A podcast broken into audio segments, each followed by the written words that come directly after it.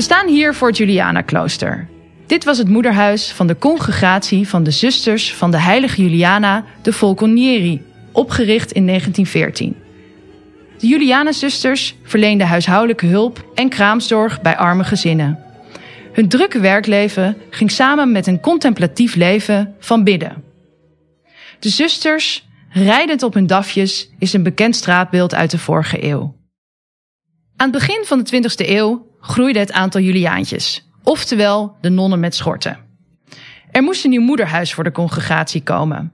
Stichting Onze Lieve Vrouw ter Nood zag een klooster grenzend aan hun bedevaartplaats wel zitten en zij stonden destijds de grond om niet af.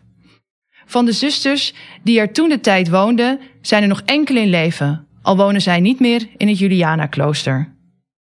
Na het vertrek van de laatste zusters in 2001 is het klooster gekocht door het bisdom Haarlem-Amsterdam. Het klooster is nu een gasthuis. Er komen gelovigen om retraites te volgen en in de zomer zijn er ook veel natuurliefhebbers die komen om te wandelen in deze omgeving en om te genieten van de rust op het heiligdom.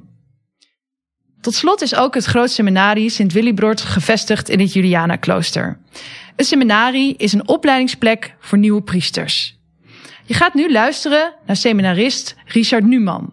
Hij vertelt over deze plek en waarom hij op latere leeftijd is begonnen aan de priesteropleiding. Ik ben secretaris bij een pensioenfonds. Daar werk ik drie dagen in de week. En sinds deze zomer ben ik uh, als parttime seminarist. Mag ik hier in Heilo uh, zijn. En uh, ja, met het doel om straks fulltime seminarist te zijn. En omdat ik de roeping heb gevoeld om priester te worden.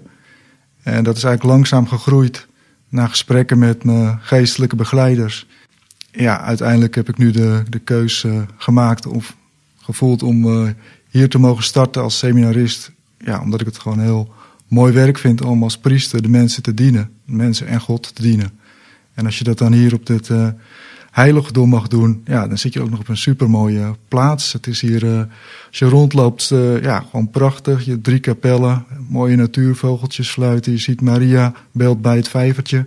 Je ziet er eigenlijk uh, God in de schepping, zie je hier heel duidelijk terug. En ja, in de opleiding voel ik ook de aanwezigheid van God. En nou ja, ik hoop dat dat straks ook in mijn werk in de kerk en de parochie ook uh, dat ik dat net zo uh, sterk nog mag voelen, ook aan de mensen kan doorgeven.